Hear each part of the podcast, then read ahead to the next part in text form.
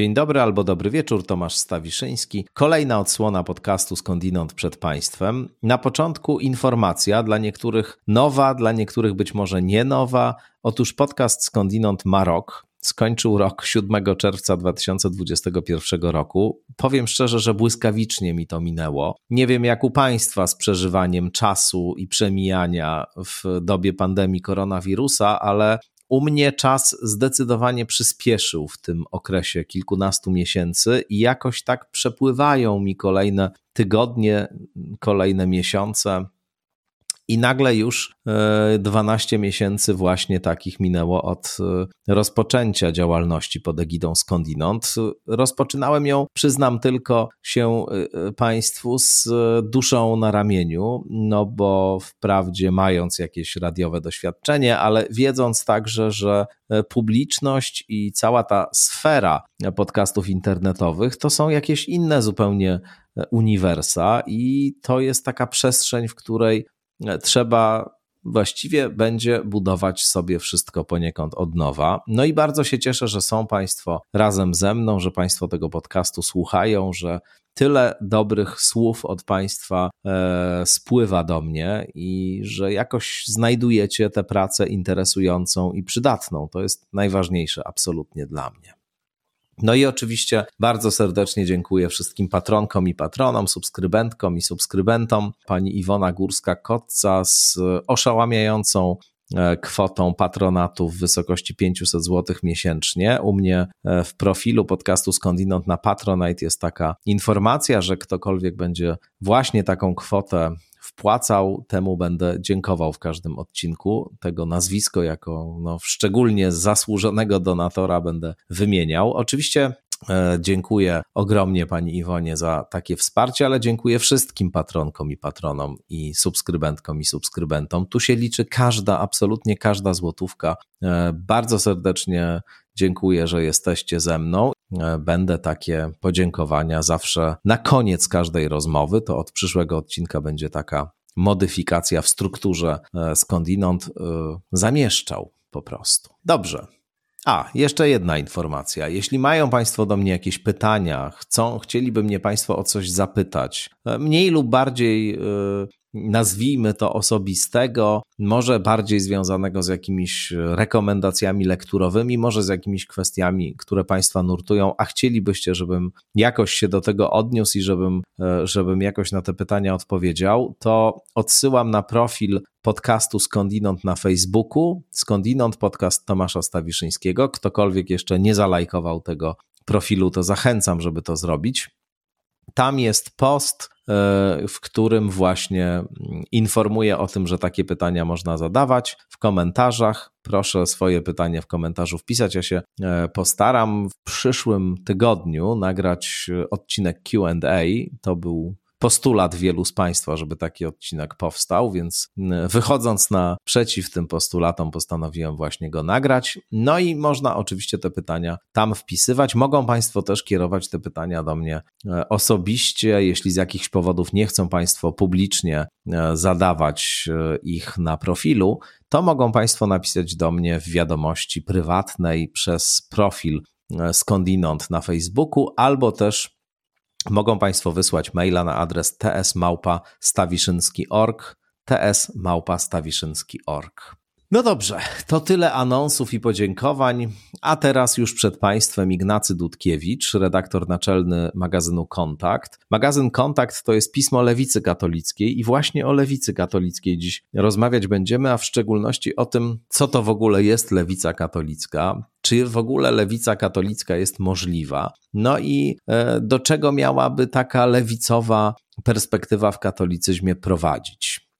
Środowisko magazynu Kontakt to jest e, jedno z najciekawszych środowisk intelektualnych w tej chwili i najbardziej żywych w Polsce, moim zdaniem przynajmniej. Mnóstwo bardzo utalentowanych, w przeważającej mierze młodych ludzi, którzy z jednej strony przywiązani są do dziedzictwa katolicyzmu, chrześcijaństwa, do instytucji Kościoła. Z drugiej strony czują palącą potrzebę zmiany paradygmatu, chyba tak bym mógł określić, wewnątrz e, Kościoła katolickiego, w szczególności oczywiście Kościoła, Kościoła katolickiego polskiego, no bo polski katolicyzm odznacza się wyjątkowym konserwatyzmem i też e, myślę wyjątkowym zestrojeniem z e, polityczną prawicą w Polsce na poziomie światopoglądowym, ideowym, ale i instytucjonalno-towarzyskim po prostu. No więc magazyn Kontakt i środowisko kontaktu to są ludzie, którzy są przekonani, że inny katolicyzm jest możliwy. Nie taki właśnie, który ma twarz polskich biskupów, nie taki, który,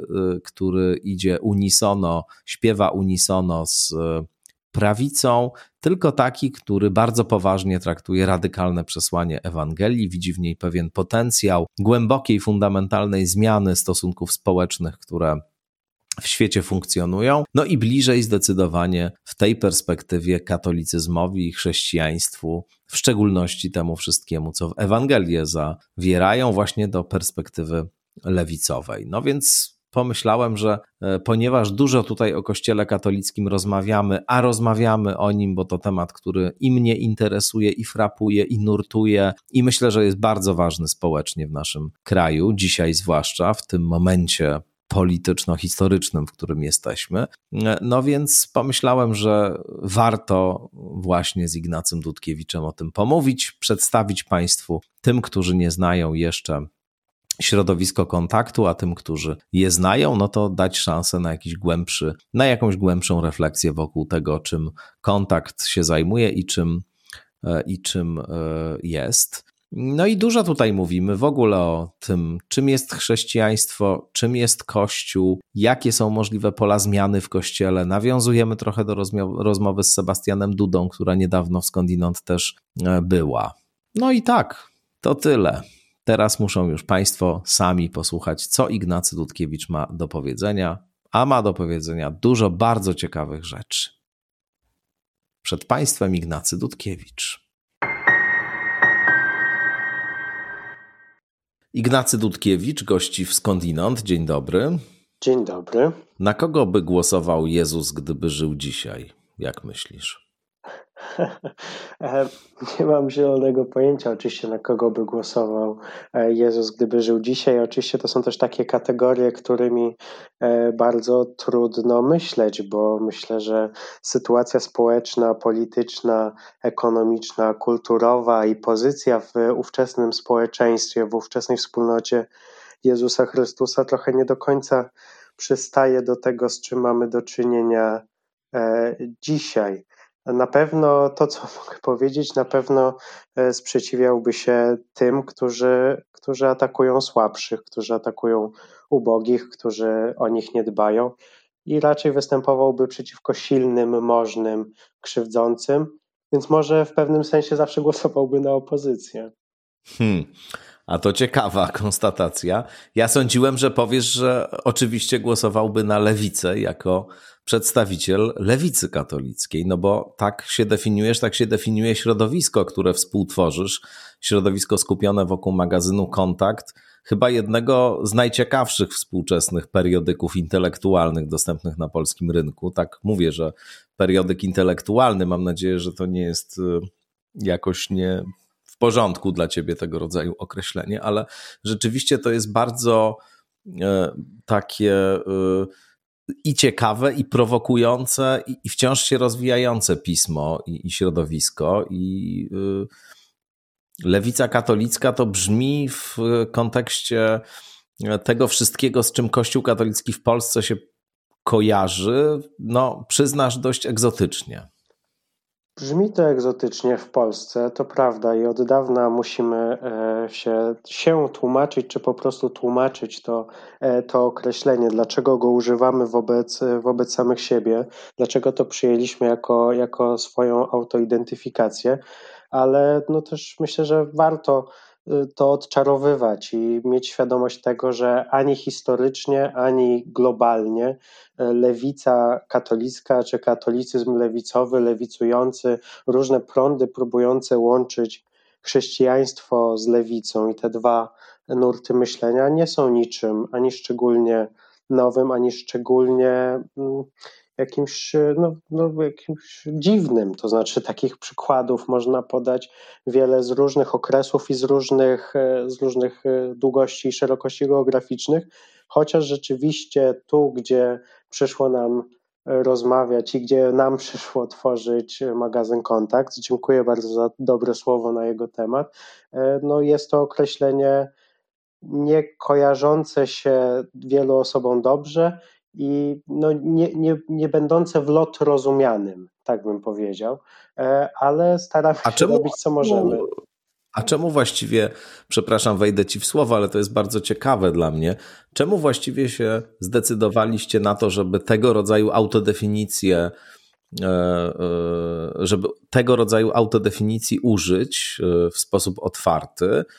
No bo to można by było sobie wyobrazić, że że w ogóle unikacie, czy że w ogóle unika się w odniesieniu do religii czy religijności takich e, w oczywisty sposób politycznych nawiązań, a wy tutaj jednak dajecie taką bardzo wyrazistą polityczną identyfikację. Dlaczego? Myślę, że z dwóch powodów przede wszystkim. Po pierwsze, dlatego, że kontakt nie jest pismem tylko o chrześcijaństwie, nie jest pismem tylko o, o katolicyzmie, tylko o kościele, tylko o religii, tylko o duchowości. Jakkolwiek byśmy tego nie rozszerzali, to i tak się nie zatrzymamy, bo kontakt jest również pismem o ekonomii, o życiu społecznym, o kulturze, o rzeczywistości krajów pozaeuropejskich, o krajoznawstwie i o wielu różnych innych rzeczach, którymi się zajmujemy, które są dla nas ważne i na które patrzymy patrzymy jako redakcja z perspektywy różnie rozumianej, ale lewicowości. E, po prostu to jest to miejsce na tym e, spektrum polityczno-społecznym, w którym się odnajdujemy i z którym się, e, się identyfikujemy. I w tym sensie jest dla nas oczywiste, że nie będziemy udawać, że jesteśmy kimś, kim nie jesteśmy. Jesteśmy ludźmi lewicy ale w dużej mierze również jesteśmy ludźmi chrześcijaństwa i ludźmi Kościoła. Oczywiście redakcja kontaktu jest mieszanym gronem i są wśród nas zarówno katolicy i katoliczki, jak i e, osoby innych wyznań chrześcijańskich, jak i osoby na różne sposoby niereligijne, no bo to też nie chodzi tylko o, o jeden prosty ateizm, znaczy prosty. Nie chodzi tylko o ateizm, może chodzić o agnostycyzm, o rozmaite formy poszukiwań. Nie chcę tutaj definiować za kolegów i koleżanki, E, I to jest, e, to jest pierwszy powód, bo po prostu nie piszemy tylko o chrześcijaństwie, a o, o wielu sprawach, również e, sprawach kościoła, sprawach religii, piszemy z perspektywy, którą uważamy za lewicową, a drugi powód jest, no jest jakoś tam prowokacyjny. Wynika z tego, że, że w Polsce Kościół i chrześcijaństwo jest w przestrzeni publicznej tak mocno zrośnięte z prawicą, że nie chcieliśmy tylko być takim bytem, który unika autoidentyfikacji, ale różne sprawy problematyzuje, tylko chcieliśmy stanąć w prawdzie i powiedzieć, e, że tak, no my uważamy, że te dwa pojęcia się nie muszą wykluczać, nie wykluczały się w historii, nie wykluczają się w innych miejscach świata. Jest to synteza trudna, jest to dialog trudny, e, ale możliwy e, i nam z różnych powodów najbliższy. Dawno temu wydaliśmy taki numer w którym jako pierwszy raz się, się w ten sposób określiliśmy. E, on nazywał się Po lewicy ojca. To było już wiele lat temu, nie pamiętam dokładnie ile. E, I tam e, przyznaję, przyjęliśmy przede wszystkim taką, taką narrację tłumaczącą się, tłumaczącą się, jak to w ogóle jest możliwe, żeby w ten sposób o sobie mówić. Teraz idziemy dalej, to znaczy próbujemy pokazywać, że w bardzo wielu sferach chrześcijaństwo lepiej współbrzmi właśnie z lewicą niż z prawicą, że Ewangelia lepiej współbrzmi z e, diagnozami współczesnej lewicy e, niż prawicy. I że tak to, że tu stoimy, gdzie stoimy, nie dlatego, że dokonujemy jakiegoś e, wielkiego szpagatu, chociaż na polskie warunki takim się on wydaje, czy że sięgamy prawą ręką przez lewe ramię z powrotem do prawego, nawet nie ucha, tylko kolana, tylko dlatego, że stoimy tu, gdzie stoimy, bo tak odczytujemy przesłanie e, Jezusa Chrystusa, tak odczytujemy wezwanie Ewangelii i tak odczytujemy to, czym powinno być chrześcijaństwo i czym w efekcie powinien być Kościół rzymskokatolicki w życiu społecznym, także w Polsce, nawet jeżeli tutaj jest to szczególnie trudne, żeby w przestrzeni publicznej być w tej sprawie w pełni rozumianym. A dlaczego jednak y, większa część i hierarchów Kościoła katolickiego, i myślę, wiernych tego kościoła odczytuje to jednak inaczej. To znaczy, dlaczego e, to raczej wartości konserwatywne, raczej wartości prawicowe zestrojone są z katolicyzmem specyficznie, niekoniecznie z różnymi odłamami chrześcijaństwa, ale e, specyficznie z katolicyzmem, mm, skoro to jednak właśnie lewicowe jest przesłanie, Twoim zdaniem? E, ewangeliczne. Dlaczego, dlaczego w takim razie jest zasadniczo odwrotnie, jeśli chodzi o, e, o praktykę Kościoła katolickiego? Jeden powód jest, powiedziałbym, uniwersalny i dotyczy Kościoła katolickiego jako takiego, i wynika to z tego, że, że Kościół katolicki, jak wiele innych instytucji, jest e, oprócz różnych teologicznych formuł, które można e, o nim powiedzieć, jest również e, instytucją. Jest instytucją władzy, jest instytucją dużych pieniędzy, dużych wpływów, dużych ambicji, hierarchiczności, patologii i tak dalej. I w związku z tym E, siłą rzeczy poszedł w stronę umacniania e, interesów silnych, bo sam jest w wielu miejscach świata, e, w wielu miejscach świata silny.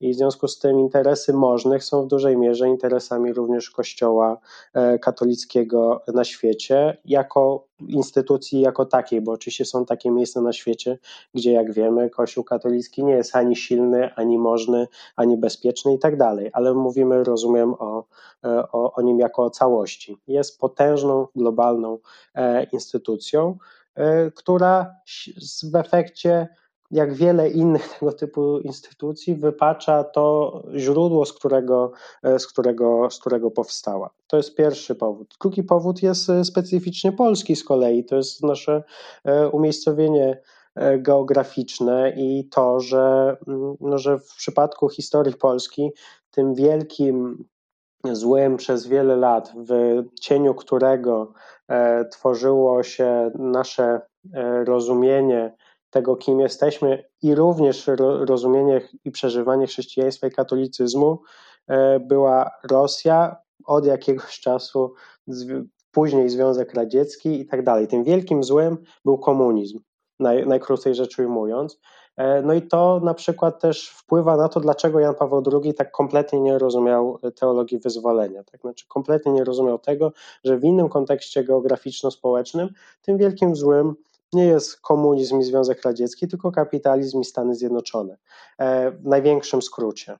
E, ale to jest też, też bardzo mocno wpływa na to, w jaki sposób e, lewica katolicka, czy możliwość w ogóle dialogu między lewicą a katolicyzmem jest odbierany w Polsce. Chociaż, tak jak mówię, to nie jest wyłącznie kwestia, wyłącznie polska. W wielu miejscach na świecie jest to łatwiejsze, ale nigdzie nie jest łatwe i nie jest naturalne ponieważ Europy, teologia katolicka powstała w Europie i przez wieki była teologią silnych, była teologią białych, wpływowych e, mężczyzn z Europy, e, którzy swoje rozumienie Ewangelii narzucali całej reszcie wiernych, również tych uciskanych, również kobiet, również z mniejszości, również pochodzących i mieszkających w innych, Ale... w innych miejscach świata ale, ale trochę to jest niestety wynik no, nie tylko pewnych akcydentalnych okoliczności, a może to jest właśnie wynik pewnych akcydentalnych okoliczności, ale on został też w specyficzny sposób metafizycznie umocowany. To znaczy, jednak Kościół katolicki, który rzecz jasna e, funduje się na Ewangelii, ale także na nauczaniu e, ojców Kościoła, doktorów Kościoła. Tu tradycja jest co najmniej równie istotna, e, co sola scriptura. Otóż, cóż, mamy tutaj do czynienia z taką sytuacją, kiedy no, w sposób bardzo subtelny intelektualnie i teologicznie uzasadnia się właśnie transcendentny charakter tych rozstrzygnięć, które tworzą e, kościelną doktrynę, a która jest ekspresją, jak powiedziałeś, tych mocarnych białych, białych mężczyzn. E, oni sami zadbali o to, żebyśmy tę doktrynę musieli postrzegać jako właśnie pod wieloma względami nie będącą ich dziełem, tylko będącą dziełem bytu absolutnego, którego oni są tylko y, reprezentantami. I na rozmaite sposoby też zawarli pewne zabezpieczenia w tych koncepcjach i doktrynach, które właśnie mają przeciwdziałać ich dowolnej modyfikacji. I tu chyba jest podstawowy problem, nie, nie tak, uważasz? Pełna zgoda, to znaczy w tym sensie pełna zgoda, że ta teologia przez, y, powstawała w konkretnych historycznych y, warunkach, stała się taka, a nie inna z wielu również historycznych przyczyn, uwarunkowanych konkretnym kontekstem historycznym, społecznym, kulturowym, geograficznym i tak dalej. I rzeczywiście przez wieki nie musiała sobie zdawać z tego sprawy a nawet mogła, jeżeli sobie zdawała z tego sprawę, to miała taką możliwość, żeby ten fakt e, e, ukrywać, żeby go nie podawać do publicznej wiadomości, e, aspirując do pełnej uniwersalności swoich, swoich rozstrzygnięć. Ale to się powoli zmienia. To, jest, to, jest, to się zmienia z, z różnych powodów, z których najważniejszym powodem są zmiany demograficzne Kościoła katolickiego. Znaczy 40% katolików i katoliczek żyjących na świecie żyje dziś w Ameryce Południowej. E, coraz większy udział w wspólnocie Kościoła katolickiego e, mają kościoły afrykańskie, azjatyckie również, e, a udział europejskich kościołów lokalnych i czy południowoamerykańskich sukcesywnie spada i to też widać w, w teologii, jaka jest, jaka jest uprawiana w wielu miejscach na świecie, a również w tej, którą uprawia e, papież Franciszek, no, który jest jednak już papieżem z globalnego południa, nawet jeżeli nie jest najbardziej radykalnym z przedstawicieli e, tamtejszych e, hierarchów. I to, że teologowie i teolożki w wielu miejscach świata uświadamiają sobie i uświadamiają Kościołowi, Watykanowi, że teologia przedstawiana jako uniwersalna wcale za taką nie musi być odbierana w wielu miejscach świata i że należy tworzyć jej rozmaite wersje i odmiany, które uwzględniają specyficzny kontekst y, bardzo różnie rozumiany, zarówno lokalny, jak i dotyczący globalnych struktur, na przykład ucisków, nie wiem, na przykład patriarchatu, e, że te teologie są nam, są nam niezbędnie potrzebne i one powstają w bardzo wielu miejscach na świecie. To jest teologia wyzwolenia, to jest amerykańska teologia wyzwolenia czarnych, to jest teologia feministyczna indyjskich dalitów, koreańska teologia Min Jung, rozmaite afrykańskie, azjatyckie teologie postkolonialne, ekologiczna, teologia queer i tak dalej. No w dużym skrócie są to wszystko teologie, które sprzeciwiają się rozmaitym ideologicznym totalitaryzmom, takim jak neoliberalizm, no tak, rasizm, etnocentryzm, mm. ale również temu, e, temu totalitaryzmowi ideologicznemu, który jest obecny w samej kościelnej e, debacie teologicznej. No, narzędzia, którym się posługuje teologia, czy też teologia jako pewien język, pewien dyskurs, cechuje się daleko idącą elastycznością i w zasadzie można przy pomocy tego języka powiedzieć wszystko, co się chce. To znaczy, jeśli ma się z grubsza e, punkt wyjścia właśnie taki lewicowo-liberalny, no to bez problemu można e, posługując się tymi kategoriami teologicznymi, zbudować taką teologiczną opowieść, która która pozwoli uzasadnić jakieś, no, na przykład daleko idące zmiany o charakterze e, obyczajowym w odniesieniu do, do moralności i tak dalej. Tylko trzeba chcieć. No i teraz pytanie właśnie, czy e, to środowisko, które jest grupą trzymającą władzę w kościele, to znaczy, które definiuje to, co uchodzi za ortodoksję, to, co jest aprobowane przez te instytucje, a jak wiemy, instytucja Kościoła ma bardzo rozbudowane formy takiego e, instytucjonalizowania rozmaitych przekonań i bardzo dba, żeby e, nie było tutaj żadnych nieporozumień i żeby te kwestie były jasno rozstrzygane.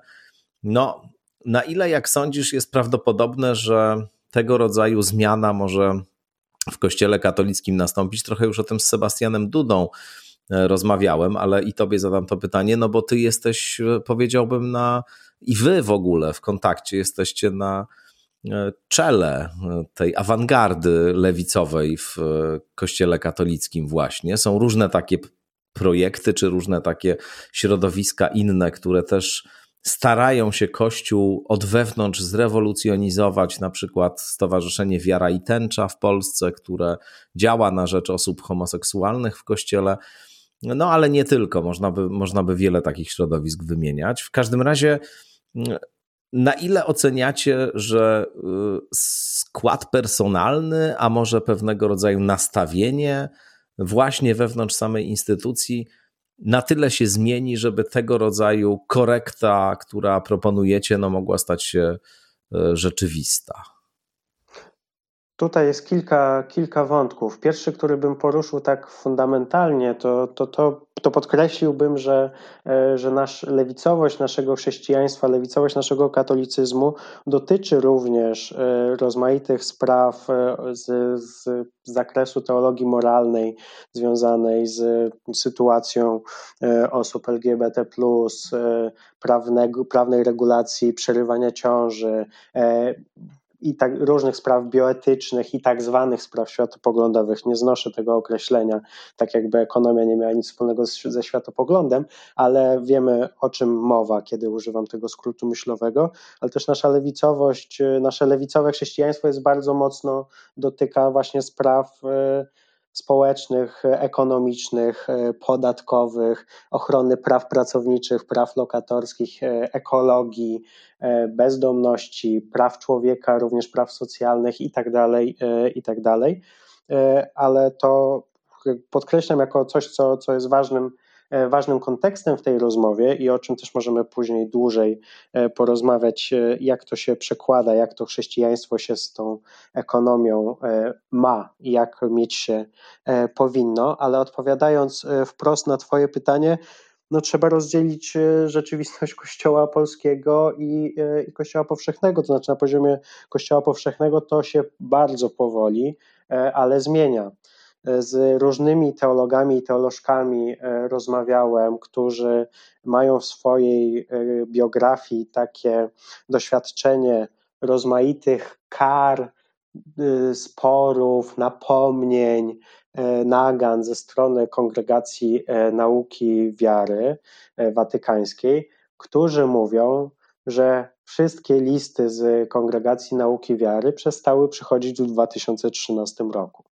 E, I to jest oczywiście nieprzypadkowa data, to jest początek pontyfikatu papieża e, Franciszka, który, jak się zdaje, e, choć sam na razie w wielu sprawach nie zrewolucjonizował nauczania Kościoła, to w zdecydowanie większym stopniu niż Jan Paweł II i niż Benedykt XVI pozwala na wewnętrzny, wewnątrzkatolicki dialog i na różnorodność perspektyw, z których swoją pracę wykonują e, teologowie e, i teolożki w bardzo różnych miejscach świata. To jego zrozumienie, dlatego że teologia zawsze rodzi się w określonym kontekście i z określonego doświadczenia wypływa, jest, jest na pewno większe niż Benedykta XVI i na pewno większe niż, niż Jana Pawła II, którzy obaj, zwłaszcza Jan Paweł II, jak się zdaje, E, miał szczególne mm, ambicje do uciszania głosów,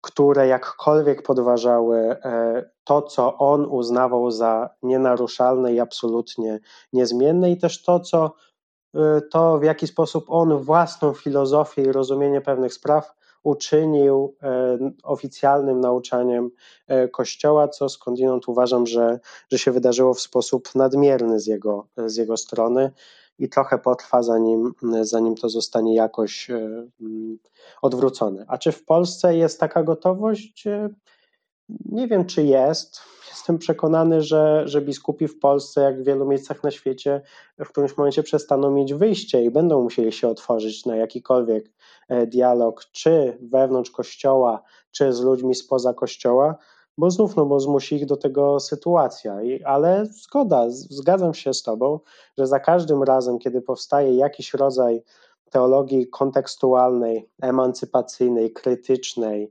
e, jak zwał, e, tak zwał, to zawsze ona się rodzi w jakiejś kontrze do e, aktualnej elity religijnej, aktualnej elity kościelnej, czy na poziomie własnego kościoła lokalnego czy kościoła powszechnego jako takiego, ale nie martwi mnie to o tyle, że e, użyję tutaj oczywiście e, bardzo mocnego porównania i mam nadzieję, że ten skrót myślowy też będzie czytelny, że no Chrystus też głosił swoją naukę w bardzo ostrej, ostrej kontrze do e, ówczesnej elity religijnej i politycznej swoich czasów i w tym sensie nieustanne odświeżanie tego przesłania wydaje mi się, że musi się dokonywać również w takim napięciu między katedrą a ulicą, przy której ta katedra stoi.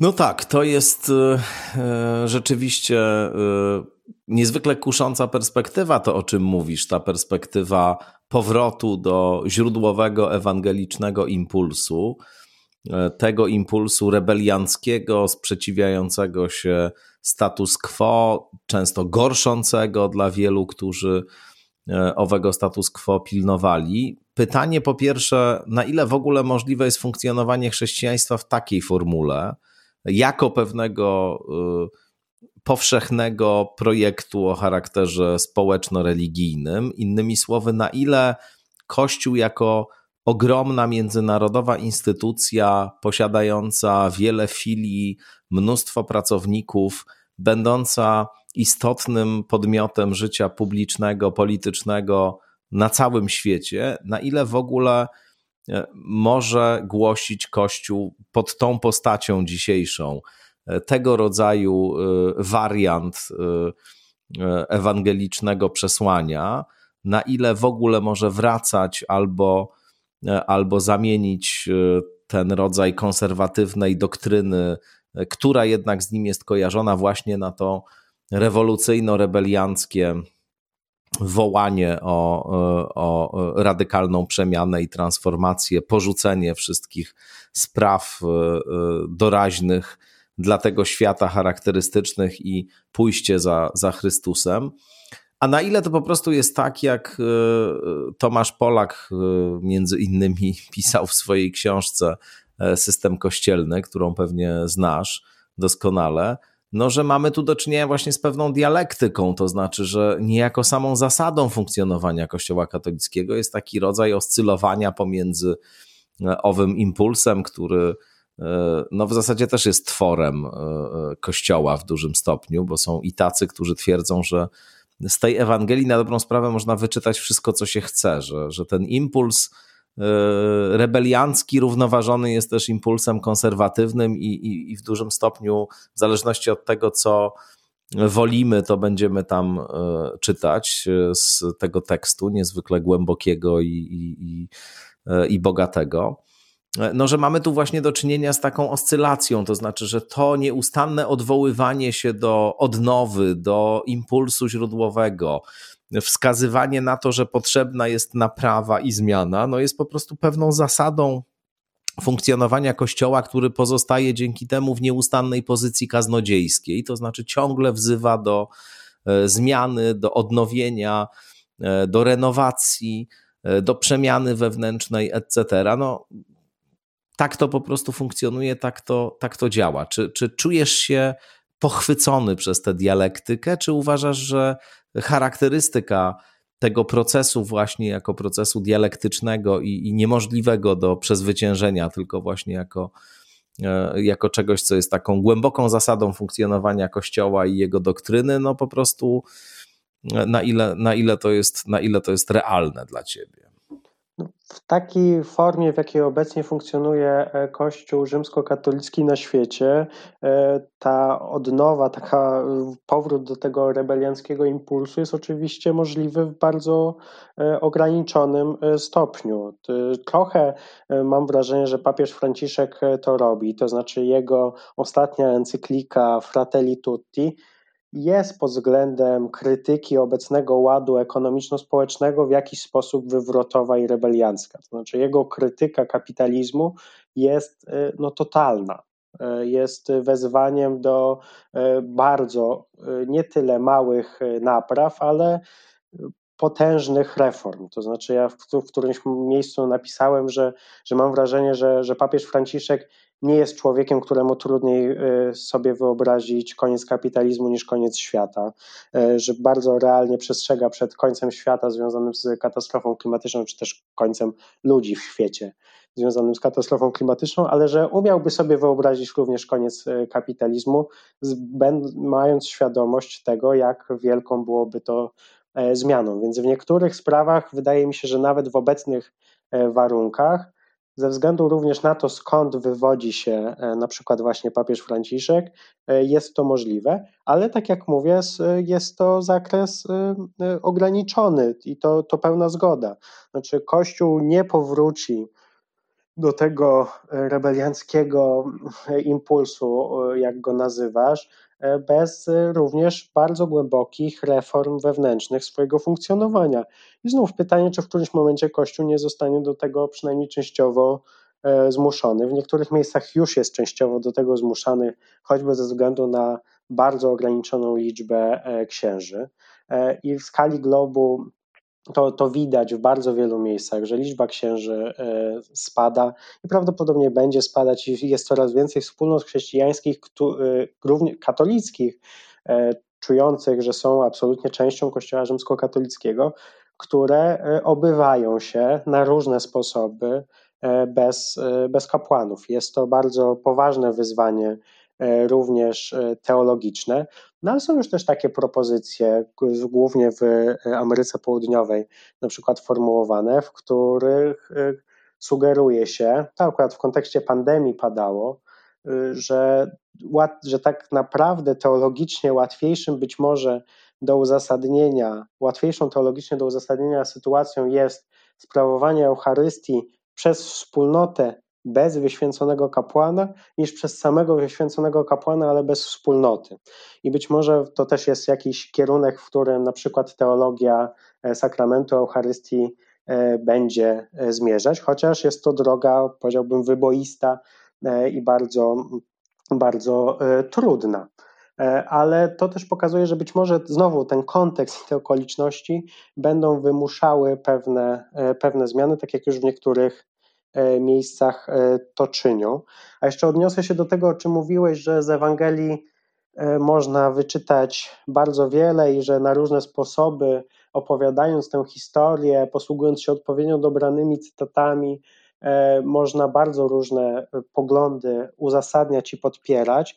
Nie tylko, nie tylko, jeszcze tylko dodam, nie tylko odpowiednio dobranymi cytatami, ale także taką żonglerką interpretacji dosłownych albo symbolicznych. To znaczy, można w zależności od tego, co się chce wyczytać i jak pewne sprawy definiować czy rozumieć, posługiwać się raz interpretacją metaforyczną pewnych fragmentów, a raz dosłowną, albo wyłącznie metaforyczną, albo wyłącznie dosłowną, albo mieszaną, i, i, i wtedy też można uzyskiwać różne e, rezultaty. I to, I to, jak popatrzymy na różne denominacje chrześcijańskie, to, to mniej więcej właśnie w ten sposób wygląda pełna zgoda, że, że tak to może działać i że tak na pewno to działa w Polsce, gdzie na przykład w przypadku jakichkolwiek prób e, rozmowy nawet, nie tyle postulowania czegokolwiek, ale rozmowy na temat e, moralnej oceny e, związków e, jednopłciowych, zawsze przywoływane będą te same kilka wyrwanych Oczywiście. z kontekstu fragmentów, czy to ze świętego Pawła, czy, czy ze Starego Testamentu, a kiedy w dyskusji o uchodźcach się przywołuje y, opis sądu ostatecznego z Ewangelii według świętego Mateusza i się mówi byłem przybyszem, a nie przyjęliście mnie, idźcie w ogień piekielny, zgotowany diabłu i jego e, aniołom, to nagle się okazuje, że to wcale nie należy tego odczytywać e, tak prosto. Tyle tylko, że jak to kiedyś ujął e, zgrabnie Misza Tomaszewski, mój redakcyjny kolega z kontaktu, o ile jest bardzo łatwe do uzasadnienia i pokazania, że w Piśmie Świętym, zarówno Starego, jak i Nowego Testamentu, jest obecna preferencyjna opcja Boga na rzecz ubogich, o tyle niezwykle trudno byłoby z Pisma Świętego e, wyczytać e, opcje przeciwko e, osobom LGBT. I w tym sensie zgoda, że Pismo Święte nie jest. Ale dlaczego trudno? Przecież są te wszystkie kawałki o tych mężczyznach współżyjących ze sobą kamieniach no właśnie, u szyi i tak dalej. Ale to są, to są kawałki, e, a w Piśmie Świętym są obecne pewne e, metanarracje, które są spójne od samego początku do samego, e, do samego końca. Jest to na przykład narracja obrony wszystkich tych, którzy są uciskani, ubodzy i, i cierpiący. To, to są te metanarracje, które każdy fragment Pisma Świętego w zasadzie jest, e, e, jest e, z tym całkowicie, całkowicie spójny. W Starym Testamencie nie ma żadnych scen, w których Bóg pałałby taką, taką niechęcią i takim gniewem, jak wtedy, kiedy angażuje swój gniew w obronie ubogich, kiedy angażuje swój gniew w obronie sierot, wdów, przybyszów, odrzuconych i tak dalej. Niesprawiedliwie Ale myślisz, że to wystarczy do tego, żeby uzasadnić na przykład zmianę stosunku e, Kościoła do osób LGBT, bo no, wydaje mi się, że to jest jednak dość e, krucha podstawa tego rodzaju zmiany, choćby dlatego, że ja rozumiem, że można e, oczywiście zasadnie jak najbardziej definiować tę grupę jako grupę dyskryminowaną pod wieloma względami, ale też w różnych obszarach kultury ta dyskryminacja różnie wygląda i oczywiście no, gej, bogaty, mieszkający w Nowym Jorku, wykładający na dużej uczelni, e, jest w zupełnie innej sytuacji aniżeli e, gej z pasardzy, który, który jest e, no, w społeczności, która kompletnie nie aprobuje tego rodzaju postaw i tu od razu się narzuca pytanie, czy wobec tego ten z Nowego Jorku zbawiony nie będzie, a ten z pasardzy ma większe szanse. No to oczywiście jest, jest, jest duże uproszczenie i kwestię zbawienia pozostawiam e, Panu Bogu e, i Jego miłosierdziu i sprawiedliwości i relacją między tymi Jego e, cechami. Nie chciałbym tu wchodzić w Jego kompetencje, żeby określać, kto zbawiony będzie, a kto zbawiony nie będzie, ale rozumiem oczywiście o co, o co pytasz. To, co ja chcę powiedzieć, to to, że o ile rzeczywiście teologię można uprawiać z różnych e, miejsc, z różnych punktów wyjścia, i w różnym celu, to nie każdy z nich jest, jest równie uprawniony na poziomie zakorzenienia w Piśmie Świętym. To znaczy, teologia musi zajmować pozycję uciskanego i cierpiącego, bo to wynika z, z pisma. To jest preferencja samego Boga, żeby właśnie taką pozycję przyjmować w e, rozumowaniu na temat e, relacji społecznych, na temat relacji Boga ze światem, relacji między człowiekiem a światem e, stworzonym i tak dalej. Czy jeżeli pytasz mnie, czy to wystarcza, żeby zmienić e, podejście do e, na przykład e, kwestii nauczania do, do osób LGBT. Nie, nie wystarcza, ale wystarcza na pewno do tego, żeby przestać je dyskryminować i żeby przestać E, o nich mówić nienawistnym językiem, powinno wystarczać. No ale to już wszystko e, w kościele katolickim, w katechizmie jest zapisane. Chodzi o to, że no, wiem, e, traktuje się. No nie właśnie. Jest, nie, nie, jest realizowane w bardzo wielu miejscach, w miejscach świata, no bo... a również w Polsce oczywiście. Pytanie, ale... co masz na myśli, mówiąc o tym, żeby dyskryminacja tych osób na przykład w kościele katolickim się skończyła? To znaczy, no. co by to miało oznaczać, bo to można też bardzo różnie rozumieć prawda? Bo... Oczywiście, jeżeli chodzi o te zapisy, o których mówimy, które nakazują traktowanie z szacunkiem człowieka, a potępianie grzechu, którym jest współżycie seksualne e, dwóch mężczyzn, czy dwóch kobiet, czy, czy osób o innej konfiguracji tożsamościowej aniżeli e, heteroseksualna. E, I no cóż, to jest e, pewien wybieg, rzecz jasna, to jest pewna taka... No, to jest wybieg i on jest bardzo krzywdzący też dla bardzo wielu osób, które e, czują Ale spójny się z doktryną chyba, nie? to traktowane i protekcjonalnie i w sposób tak naprawdę głęboko ich nieakceptujący, mimo że ubierający to w, e, w hasła akceptacji. E, co mogłaby oznaczać brak dyskryminacji e, osób LGBT w kościele? No, w pierwszej kolejności w warstwie dla mnie absolutnego minimum mogłoby oznaczać brak sprzeciwu dla e, unormowania tych spraw w prawie świeckim. I tu skądinąd się, się zaczyna dziać. Jest już pokaźna liczba biskupów na świecie, którzy mówią, że całkowicie popierają wprowadzenie związków partnerskich, odpowiednio mniejsza liczba biskupów na świecie, którzy mówią, że są za wprowadzeniem w świeckim prawie małżeństw jednopłciowych. I to jest coś, co, co, co można by, co, co Kościół mógłby rzeczywiście zmienić nawet bez teologicznej zmiany e, oceny e, aktów, aktów homoseksualnych, ale też myślę, że Kościół powinien podjąć bardzo poważną poważny namysł nad tym, czy ta ocena jest, jest uprawniona, czy ona jest teologicznie prawidłowa i czy jest ona spójna również z tym, czego nowego dowiedzieliśmy się e, o orientacji seksualnej i o seksualności człowieka i płciowości człowieka e, jako takiej w ciągu ostatnich, nie wiem, no 50-100 lat, w stosunkowo, stosunkowo niedawno, i że może się okazać, że ta nowa wiedza, która nam przecież mówi coś ważnego o świecie i mówi nam coś ważnego e, o ludziach, e, wymaga tego, żeby również przeformułować e, swoje oceny z zakresu teologii moralnej.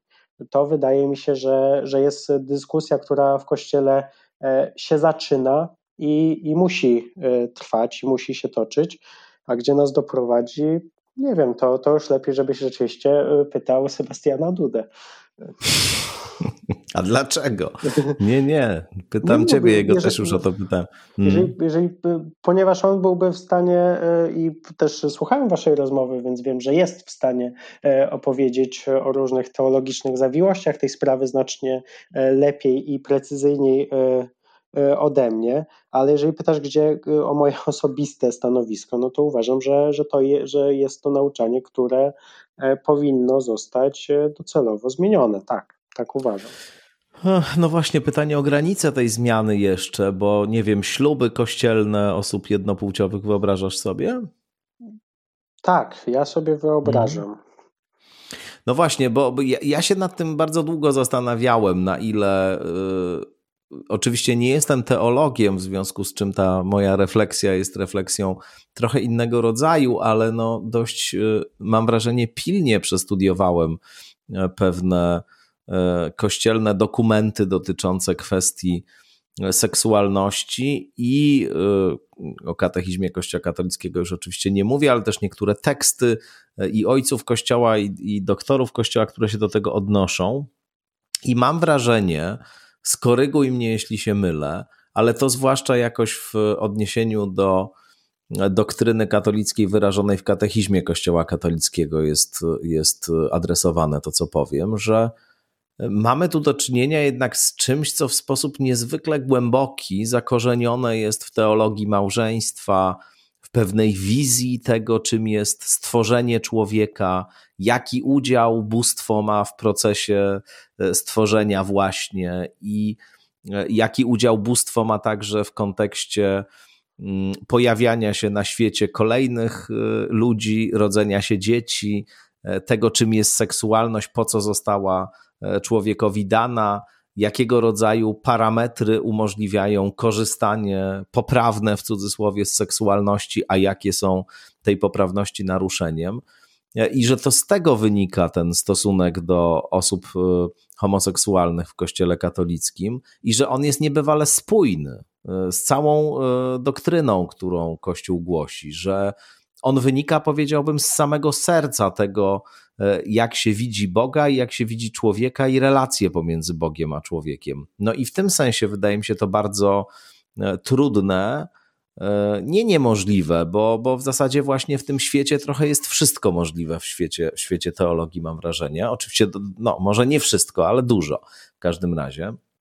I no właśnie, i, i, i zastanawiam się, na ile te postulaty jednak nie są utopijne, na ile jednak musiałoby to oznaczać tak gruntowne przemodelowanie tego rdzenia katolickiej nauki o życiu i seksualności, że to już by w zasadzie nie była ta sama doktryna, to znaczy coś by tutaj zostało utracone. To mówiąc, oczywiście nie, nie, nie twierdzę, że to jest zasadne e, czy, czy niezasadne, tylko mówię tyle, że to jest bardzo spójne z całym skomplikowanym systemem teologicznym, który, który w, nauczaniu, w nauczaniu Kościoła jest obecny. Generalnie obecnie e, jest spójne, przy czym też, e, no właśnie, no, to co wydaje mi się istotne, to to, że wiemy pewne nowe rzeczy na ten temat, których kiedy ten system był tworzony, e, nie wiedzieliśmy. To po pierwsze. Po drugie, wiemy również po już iluś latach funkcjonowania tej określonej teologii, że ona przynosi określone E, skutki i konsekwencje, nie tylko w kwestii traktowania e, osób LGBT, ale na przykład też zakazu antykoncepcji e, i paru jeszcze pewnie innych różnych. I że nie są to, łagodnie rzecz ujmując, skutki najbardziej możliwe do ocenienia jako sprawiedliwe, słuszne, owocne, sprzyjające również rozwojowi relacji międzyludzkich, małżeństw, ich miłości itd. Tak I w tym sensie E, tutaj gdzieś ta ortodoksja, która jest rzeczywiście bardzo mocno e, ugruntowana e, przez wieki, przez wieki rozwijana, chociaż tak jak też mówił Sebastian Duda w rozmowie z Tobą, to też się zmieniało na przestrzeni wieków i też od któregoś momentu zaczęło być tak centralną, tak centralnym elementem tej doktryny, że ta ortodoksja musi się zacząć bardzo mocno mierzyć z, e, z ortopraksją, to znaczy, e, czyli z życiem, e, zgod, z zobaczeniem tego, jakie to życie jest naprawdę, zobaczeniem pewnej prawdy o życiu i tego, że ta, że ta prawda jest czyniona, ta prawda, te wartości, na których zbudowane jest chrześcijaństwo i które głosił Chrystus, są praktykowane i się urzeczywistniają również w tych relacjach e, i w tych układach społecznych, międzyludzkich, które być może obecnie rzeczywiście nie znajdują uznania w katolickiej e, ortodoksji. Ale to tam się dzieje. To jest tak jak kardynał Christoph Schomborn, e, nie wiem już w tej chwili, czy obecny, czy emerytowany arcybiskup Wiednia, nie, nie pamiętam ile ma lat, kiedyś powiedział, że no on jest przekonany, że w kwestii związków jednopłciowych Kościół powinien wreszcie zacząć patrzeć do jadalni, a nie do sypialni. Znaczy powinien zacząć patrzeć na to, co się dzieje między ludźmi, jak oni żyją razem, jak układają swoje życie, jak troszczą się o siebie, jak rozmawiają, jak obdarzają się wzajemnym ciepłem, wsparciem, miłością, wiernością e, e, i tak dalej. I znowu, to nie chodzi o to wcale, że e, teologia mm, że teologię i nauczanie Kościoła należałoby e, nieustannie zmieniać w stronę demontowania wszelkich bezpieczników, demontowania wszelkich e, wskazań i drogowskazów, które, które są tam obecne. Chodzi o to, i to jest jakby siłą kontekstualizacji w teologii i odkrywania jej nowych, tego jak ona działa w różnych sytuacjach, zarówno lokalnych, jak i w sytuacjach różnych grup, często opresjonowanych e, w sposób szczególny w ich sytuacji, e, żeby, że w odkrywaniu tego sednem kontekstualizacji jest e, Boża miłość jako zarówno drogowskaz, jak i granica. To znaczy, przekształcać nauczanie Kościoła należy tam, gdzie odkrywamy, również obserwując praktykę życia społecznego, że w obecnej formie stoi ono w sprzeczności z centralną ideą Boga miłości.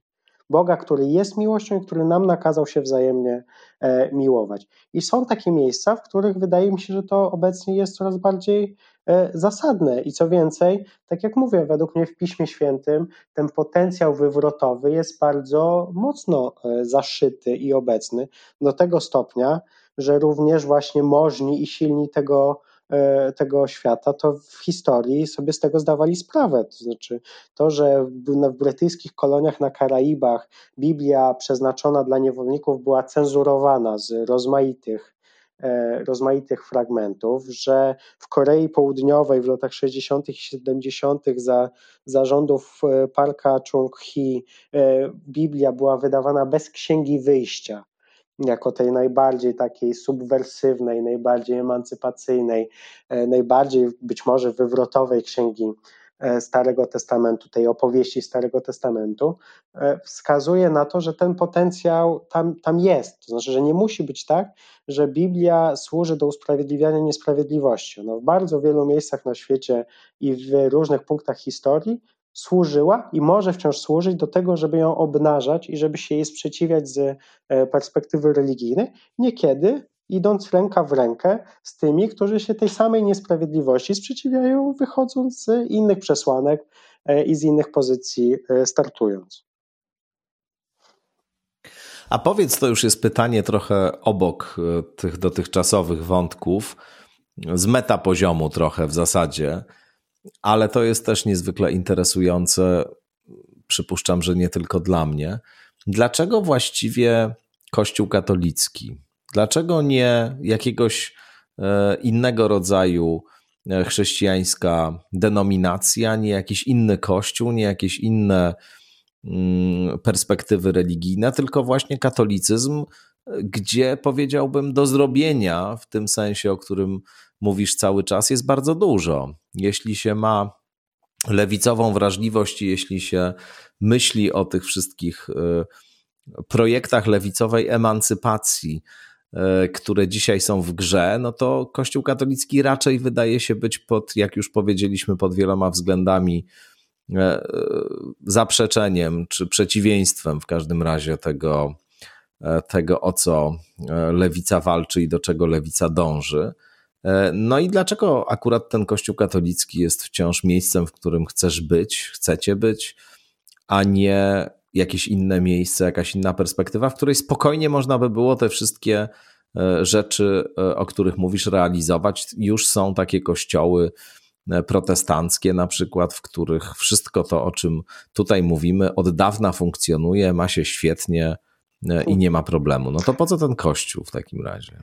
Najpierw się odniosę do tego ostatniego e, zdania, bo to jest też tak, że z rozmaitymi odłamami chrześcijaństwa, zinstytucjonalizowanymi, często w którymś momencie się pojawiają rozmaite inne problemy. I to też nie jest tak, że na przykład teologia kościołów niektórych protestanckich w kwestii niesprawiedliwości społecznych, nierówności społecznych, praw pracowniczych i praktyka tych kościołów głoszona w, przez e, tamtejszych kaznodziejów jest szczególnie bliska mojemu lewicowemu sercu. To znaczy, jest też tak, że, e, że również protestantyzm może służyć do uzasadniania rozmaicie rozumianych na przykład nierówności e, ekonomicznych, bardzo daleko e, idących i niesprawiedliwości. Tu wracam do tego, że, że ten projekt, o którym mówimy, lewicy katolickiej, nie dotyczy wyłącznie e, tak zwanych spraw kulturowych czy, czy, czy spraw bioetycznych, ale też w dużej mierze spraw socjalnych e, i ekonomicznych.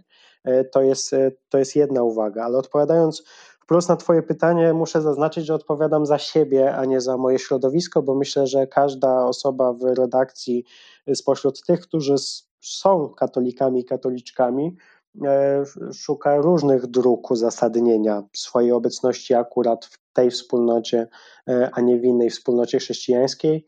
E, I tak jak mówię, też środowisko redakcji kontaktu jest, jest pod tym względem również religijnie i światopoglądowo pluralistyczne, co zresztą sobie ogromnie cenię. Ale odpowiadając za siebie wreszcie wprost po tych uwagach wstępnych.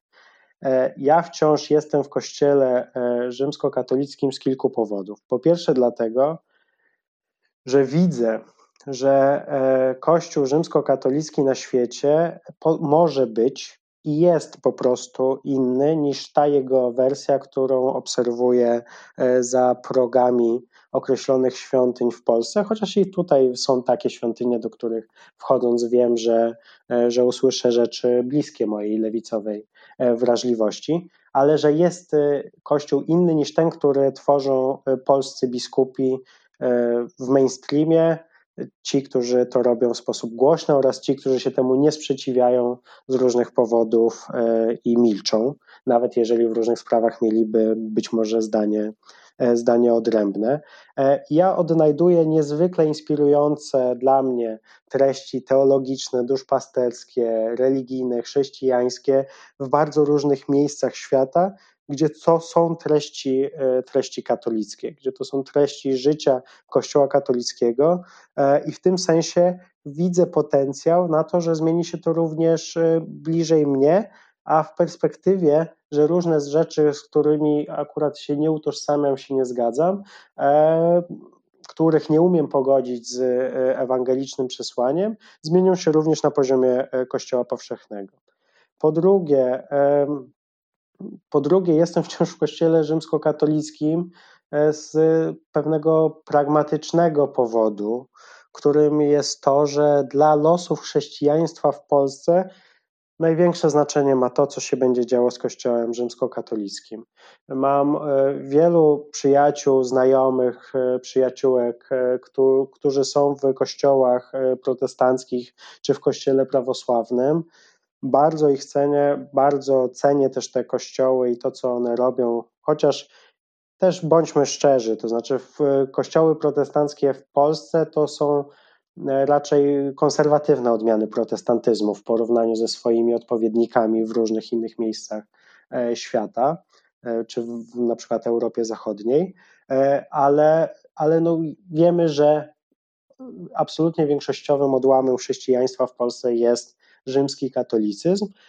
I w związku z tym moje starania, żeby chrześcijaństwo było wciąż ważnym e, e, projektem ideowym e, i żeby ta perspektywa była obecna w przestrzeni publicznej i była być może słyszana i była ważna dla niektórych ludzi, no wymaga tego, żeby, żeby się przede wszystkim troszczyć o los Kościoła rzymskokatolickiego. To po, to po drugie. Po trzecie, no to jest miejsce, w którym mimo wszystko znajduje swoją wspólnotę. To znaczy, tu znajduje wielu ludzi, e, którzy myślą podobnie. Myślę, że jest ich coraz więcej. Jest też coraz więcej osób, które myślały kiedyś podobnie, a teraz się odważają o tym głośno mówić.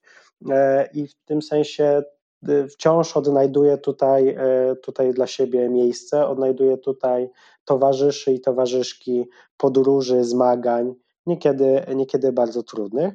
No i wreszcie czwarty powód jest powodem najtrudniej komunikowalnym, bo jest, jest powodem z przestrzeni wiary, to znaczy e, ja wierzę w moc sakramentów obecnych w Kościele e, i tego ci nie wyjaśnię tak do końca, dlaczego wierzę, jak one działają, co one robią w moim życiu, bo to jest bardzo trudno e, komunikowalne. Zgodnie z aktualnie obowiązującą wykładnią e, wewnątrzkościelną, czy e, masz jakąś inną? A pytasz o sakramenty? Tak, tak. No to też za, należy zapytać, co to jest obecnie obecna wykładnia Kościoła, na przykład na temat dostępności Eucharystii.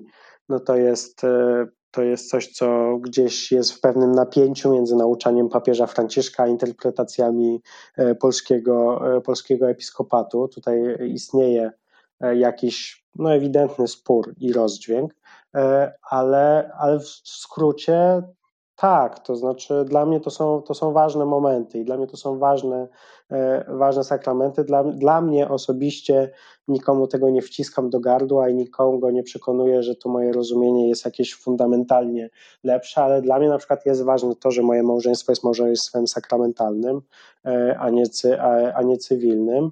E, to jest opowieść o, o jakimś poczuciu obecności Boga w różnych sferach mojego życia i odnajduje go, tego Boga, mimo wszystko również, również nie, tylko w, nie tylko w Kościele rzymskokatolickim, e, ale odnajduje go również w e, sakramentach sprawowanych przez Kościół e, rzymskokatolicki. No, to jest chyba w ogóle najciekawszy wątek. Tak naprawdę został nam na koniec i, i on już nie dotyczy bezpośrednio lewicowości czy prawicowości katolicyzmu, tylko spraw metafizycznych, bo to jest rzeczywiście e, dość istotny aspekt e, postrzegania Kościoła przez sam Kościół. E, I często myślę, zapomina się o tego rodzaju perspektywie i traktuje się, co jest oczywiście w sposób fundamentalny, naturalne, jeśli się nie jest osobą wierzącą, wyłącznie jako instytucję ziemską działającą wedle tych samych praw co wszystkie inne instytucje i to jest rzecz jasna perspektywa także, z której ja na Kościół katolicki patrzę. W dużej mierze jest to perspektywa mm. prawdziwa, no, czy Kościół jest Jasne. ziemską instytucją Jasne. funkcjonującą jak wszystkie inne ziemskie instytucje również. To jest również socjologiczna prawda o nim. Ale też y, jak się jest wewnątrz Kościoła i jak się uprawia teologię Kościoła, no to y, uznaje się, że mamy tutaj do czynienia także z czymś jeszcze więcej, to znaczy nie tylko z czysto ziemską instytucją, która no jest jakimś rodzajem takiego przedstawicielstwa czy pośrednictwa pomiędzy bytem transcendentnym a światem, tylko że jest też miejscem, w którym te dwie rzeczywistości się ze sobą spotykają i e, w którym i który, które to miejsce kształtowane jest także przez e, transcendencję, a nie tylko przez ludzi, którzy e, go tworzą. Więc to jest z jednej strony E, no, bardzo istotna kwestia, o której zapominać nie należy. Z drugiej strony, ona wydaje się też być źródłem wielu problemów w kościele. To znaczy, między innymi, e, to wszystko, co się dzieje przy okazji ujawniania kolejnych skandali pedofilskich, pokazuje, jak poręczną, e, jak poręcznym uzasadnieniem dla bardzo wielu, wielu niezwykle problematycznych praktyk no jest właśnie to odniesienie do transcendencji, do bytu absolutnego, świętość Kościoła, e, ale też i oczywiście jego nieświętość, e, współistniejące ze sobą. E, ten wątek wydaje mi się niezwykle istotny i często niedoceniany w różnych dyskusjach na temat Kościoła. Jak bardzo praktyka tej instytucji jest zakorzeniona właśnie w tej autopercepcji, o której mówimy. Zgoda, zgoda. E, przy czym też bywa tak, że, że bywa ona, bywa to nie tyle poważnym zakorzenieniem, co, co poręcznym instrumentem, tak? To znaczy jestem przekonany, mm. że jest też e, w kościele iluś e, kapłanów, którzy są osobami głęboko niewierzącymi, czy religijnie tak naprawdę metafizycznie obojętnymi, e, a z różnych powodów wykorzystującymi Kościół jako, jako tę przestrzeń, w której można realizować swoje rozmaite potrzeby czy, czy ambicje. I nie sugeruję tutaj oczywiście, że, że wiara chroni przed patologiami. E, nic takiego e, nie mam na myśli.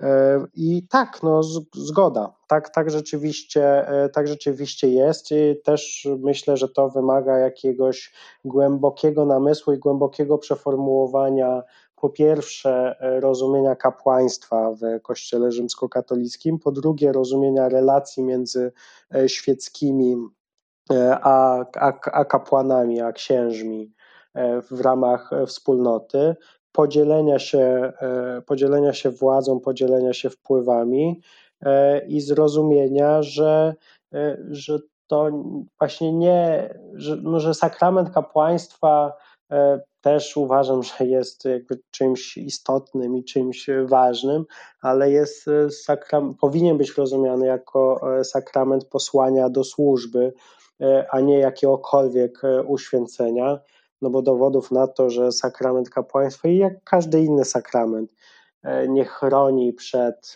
złem, podłością, przemocą, nadużyciami i tak dalej, mamy, mamy aż nadto. Więc... Ale przed koronawirusem chroni, jak to ksiądz profesor Gus no, powiedział. Ksiądz profesor Gus w tej sprawie głosi jawną e, herezję i nie obawiam się tego powiedzieć, ponieważ sugerowanie, że w jakikolwiek sposób e, z Najświętszy Sakrament przez to, że jest e, ciałem Chrystusa w teologicznym, teologicznym sensie, jest ciałem Chrystusa, nie przenosi wirusów i traci swoją fizyczną e, istotę, no to to jest po prostu monofizytyzm, to jest zaprzeczenie wcielenia, to jest herezja. To jest, e, to jest dużo poważniejszy błąd teologiczny niż sugerowanie, e, nawet z punktu widzenia dzisiejszej doktryny, taka jaka ona jest. To jest błąd, który i herezja, która dotyczy dużo poważniejszej materii z punktu widzenia teologii niż jakakolwiek kwestia nauczania e, moralnego e, Kościoła. I w tym sensie, no tak, ksiądz profesor Gus w tej sprawie głosi herezję i to głosi herezję dotyczącą fundamentów, dotyczącą dogmatów, a nie rozmaitych kwestii teologii moralnej wypływającej z rozmaitych E, założeń. Więc rozumiem, że oczywiście to była prowokacyjna uwaga i raczej żartobliwa. Absolutnie, nie no, naturalnie. Ale, ale, Zwłaszcza, ale że jakieś myślę, kolejne wypowiedzi myślę, księdza profesora jest... Guza się jakiś czas temu pojawiły, że e, na temat szczepień z kolei. Tak, ale tak. ja myślę, że tutaj jest pewna, e, pewna ważna prawda poruszona dzięki tej, przywołaniu tej, tej, tej, tej, tej wypowiedzi. To znaczy, że e, no to, jest, to, to jest też właśnie pytanie o granice dyskusji w Kościele. To znaczy, e, i to też widzimy w różnych episkopatach e, na świecie. To znaczy, jak popatrzymy na episkopat amerykański, to tam biskupi amerykańscy, wszyscy pozostający biskupami, nie zdejmowani z tego powodu z diecezji i tak dalej, ze sobą wchodzą w daleko idące spory dotyczące rozmaitych kwestii e, w sferze nauczania moralnego, życia społecznego, podatków, e, obecności Kościoła w życiu publicznym, przyjmowania albo nieprzyjmowania migrantów i migrantek z Meksyku, muru na tej granicy, prawa pracy i tak dalej, mnóstwa rzeczy. Oni tam po prostu ze sobą otwarcie w mediach, w wystąpieniach, w panelach ze sobą o tym dyskutują, ale nie dyskutują ze sobą e, na temat tego, czy Chrystus był Zbawicielem, czy Chrystus był Bogiem, czy, e, czy zmartwychwstał i czy Bóg e, istnieje w Trójcy Świętej jedyny. No i to jest też coś, czego, co myślę, że w Polsce jest bardzo słabo obecne i przykład księdza Guza bardzo wyraźnie to, to pokazuje. To znaczy głoszone przez niego herezje, E, wprost herezje z punktu widzenia dzisiejszej doktryny jej samych fundamentów nie powodują e, jakichkolwiek sankcji e, przeciwko niemu wysuwanych, a różni inni kapłani, nad którymi biskupi czy ich przełożeni zakonni mają władzę, zostają uciszani za sprawy, które nie należą do nauczania dogmatycznego Kościoła. Tak, nauczanie Kościoła też ma swoje poziomy e, i my w kontakcie również e, e, dogmatów nie, nie podważamy i, i nie planujemy tego robić, ponieważ nasze chrześcijaństwo i katolicyzm tych osób w redakcji, którzy są katolikami, katoliczkami, traktujemy, traktujemy serio. E, i traktujemy poważnie. I ostatecznie z tego wynika, e, wynika cała reszta. Ale to też pokazuje, że jak mi się wydaje, że biskupi w Polsce, nie tylko w Polsce, ale w Polsce to widać, widzę najwyraźniej, choćby z tego powodu, że tu, tu mieszkam i tu żyję i to, to życie Kościoła komentuję w największym stopniu. E, w dużo mniejszym stopniu są uwrażliwieni na sprawy właśnie prawdziwie teologiczne, dogmatyczne i tak dalej, a w dużo większym stopniu ich obchodzą kwestie, i, i to dotyczy również na przykład takich kwestii jak kapłaństwo kobiet, jak mm. nawet jak nauczanie moralne dotyczące, mm, dotyczące mm, e, dotyczące na przykład osób e, LGBT. W największym stopniu oni są uwrażliwieni na kwestie kwestionowania ich władzy. I tu wracamy do, do tego, e, do, do, do wcześniejszej kwestii, e, czyli, mm, no, czyli, czyli tych relacji między księżmi, rozumienia kapłaństwa i sakralizowania e, tej władzy, która bardzo często, zdecydowanie zbyt często staje się swoim zaprzeczeniem, wynaturzeniem i staje się po prostu przemocą, na co nie ma zgody ani mojego lewicowego serca, ani mojego chrześcijańskiego serca.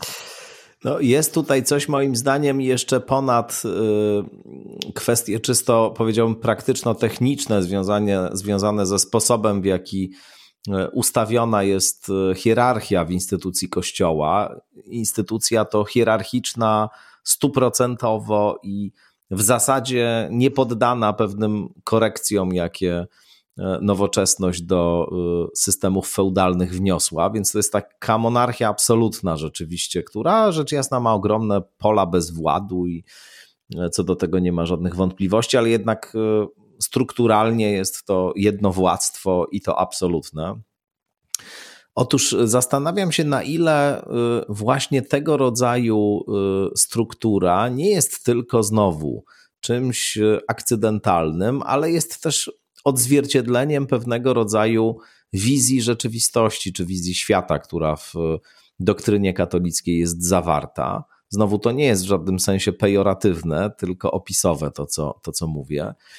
I w tym sensie oczywiście sprzeciw Karola Wojtyły na przykład wobec teologii wyzwolenia, czy różne argumenty przeciwko teologii wyzwolenia formułowane, przeciwko marksizmowi, który jednak był dla teologów wyzwolenia także istotnym punktem odniesienia, no te argumenty wypływają także z, pewnej głębok, z pewnego głębokiego myślenia o tym, jak y, pewna struktura społeczna, jak pewien porządek y, o charakterze społecznym, a więc o charakterze politycznym, odzwierciedla pewien porządek o charakterze metafizycznym. I oczywiście dzisiaj w kościele nie jest tak, że wszyscy są monarchistami i y, byliby skłonni optować właśnie za przywróceniem e, instytucji króla, bo to najlepiej odpowiada naturalnemu, nazwijmy to, porządkowi, e, metafizycznemu porządkowi, ale też e, zniesienie pewnych różnic i zniesienie pewnych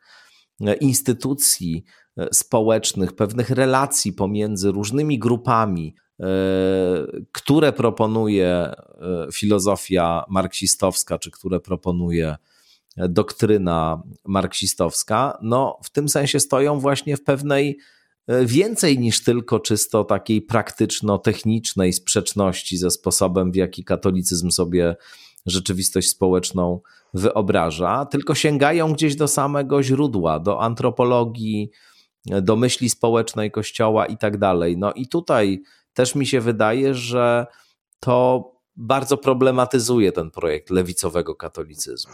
No to, wiem, znowu, to jest znowu też pytanie o to, co jest tym źródłem, tak? To mhm. znaczy, mm. bo wydaje mi się, że, e, że te, te marksistowskie interpretacje i postulaty dotyczące zniesienia rozmaitych właśnie nierówności i struktur społecznych, które te nierówności budują, z Ewangelią w sporze szczególnym e, nie jest.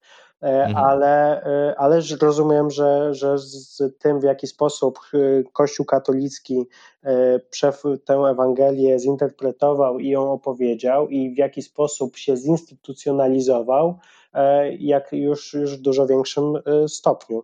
I tu, e, i tu, tu zgoda, tak? To znaczy, to jest jakieś bardzo potężne napięcie w ramach Kościoła między opowieścią o równości wszystkich ludzi, o ich równej godności, o ich równych prawach, o ich równym umiłowaniu przez, przez Boga, a tak dalece posuniętą i obecną w różnych e, sferach strukturą nierówności e, i hierarchii. To jest coś zresztą, co właśnie teologowie i teolożki kontekstualne z różnych perspektyw e, o tym mówiące bardzo często podnoszą. Znaczy, że ten dualizm jest nie do pogodzenia, że, że nie da się właśnie tej antropologii katolickiej, e, która jest oparta na przekonaniu, że wszyscy ludzie są stworzonymi i ukochanymi dziećmi bożymi, pogodzić z tym, e, z rozmaitymi konsekwencjami e, w funkcjonowaniu hierarchicznego Kościoła. Czy, no ale oczywiście, jak łatwo się domyślić, jest to niezwykle trudne żeby z takich e, uniwersalistycznych, sakralizowanych e, i bardzo potężnych struktur władzy, kontroli i wpływu zrezygnować. Bardzo dziękuję za to spotkanie. Nie ostatnie, jak sądzę, w podcaście Skądinąd. Znaczy, mam nadzieję, że nie ostatnie. Ignacy Dudkiewicz, bardzo Ci dziękuję. Dziękuję bardzo. I Państwu też dziękuję. No i zapraszam oczywiście do kolejnych odcinków skądinąd. Wszystkiego dobrego. Do usłyszenia.